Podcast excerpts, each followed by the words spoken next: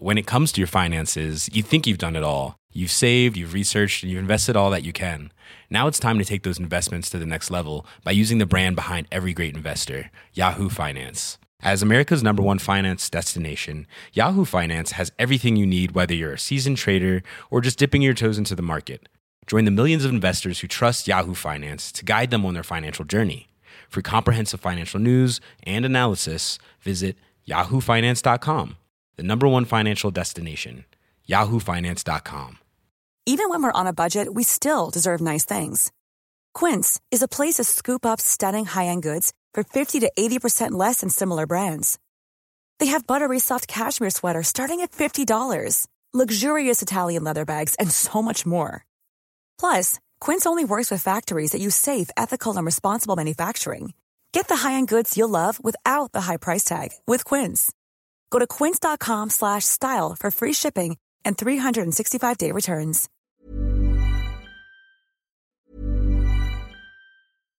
One size fits all seemed like a good idea for clothes. Nice dress. Uh, it's a it's a t-shirt. Until you tried it on. Same goes for your health care. That's why United Healthcare offers a variety of flexible, budget friendly coverage for medical, vision, dental, and more. So, whether you're between jobs, coming off a parent's plan, or even missed open enrollment, you can find the plan that fits you best. Find out more about United Healthcare coverage at uh1.com. That's uh1.com. It's that time of the year. Your vacation is coming up. You can already hear the beach waves, feel the warm breeze relax, and think about work. You really, really want it all to work out while you're away. Monday.com gives you and the team that peace of mind. When all work is on one platform and everyone's in sync, things just flow wherever you are. Tap the banner to go to Monday.com.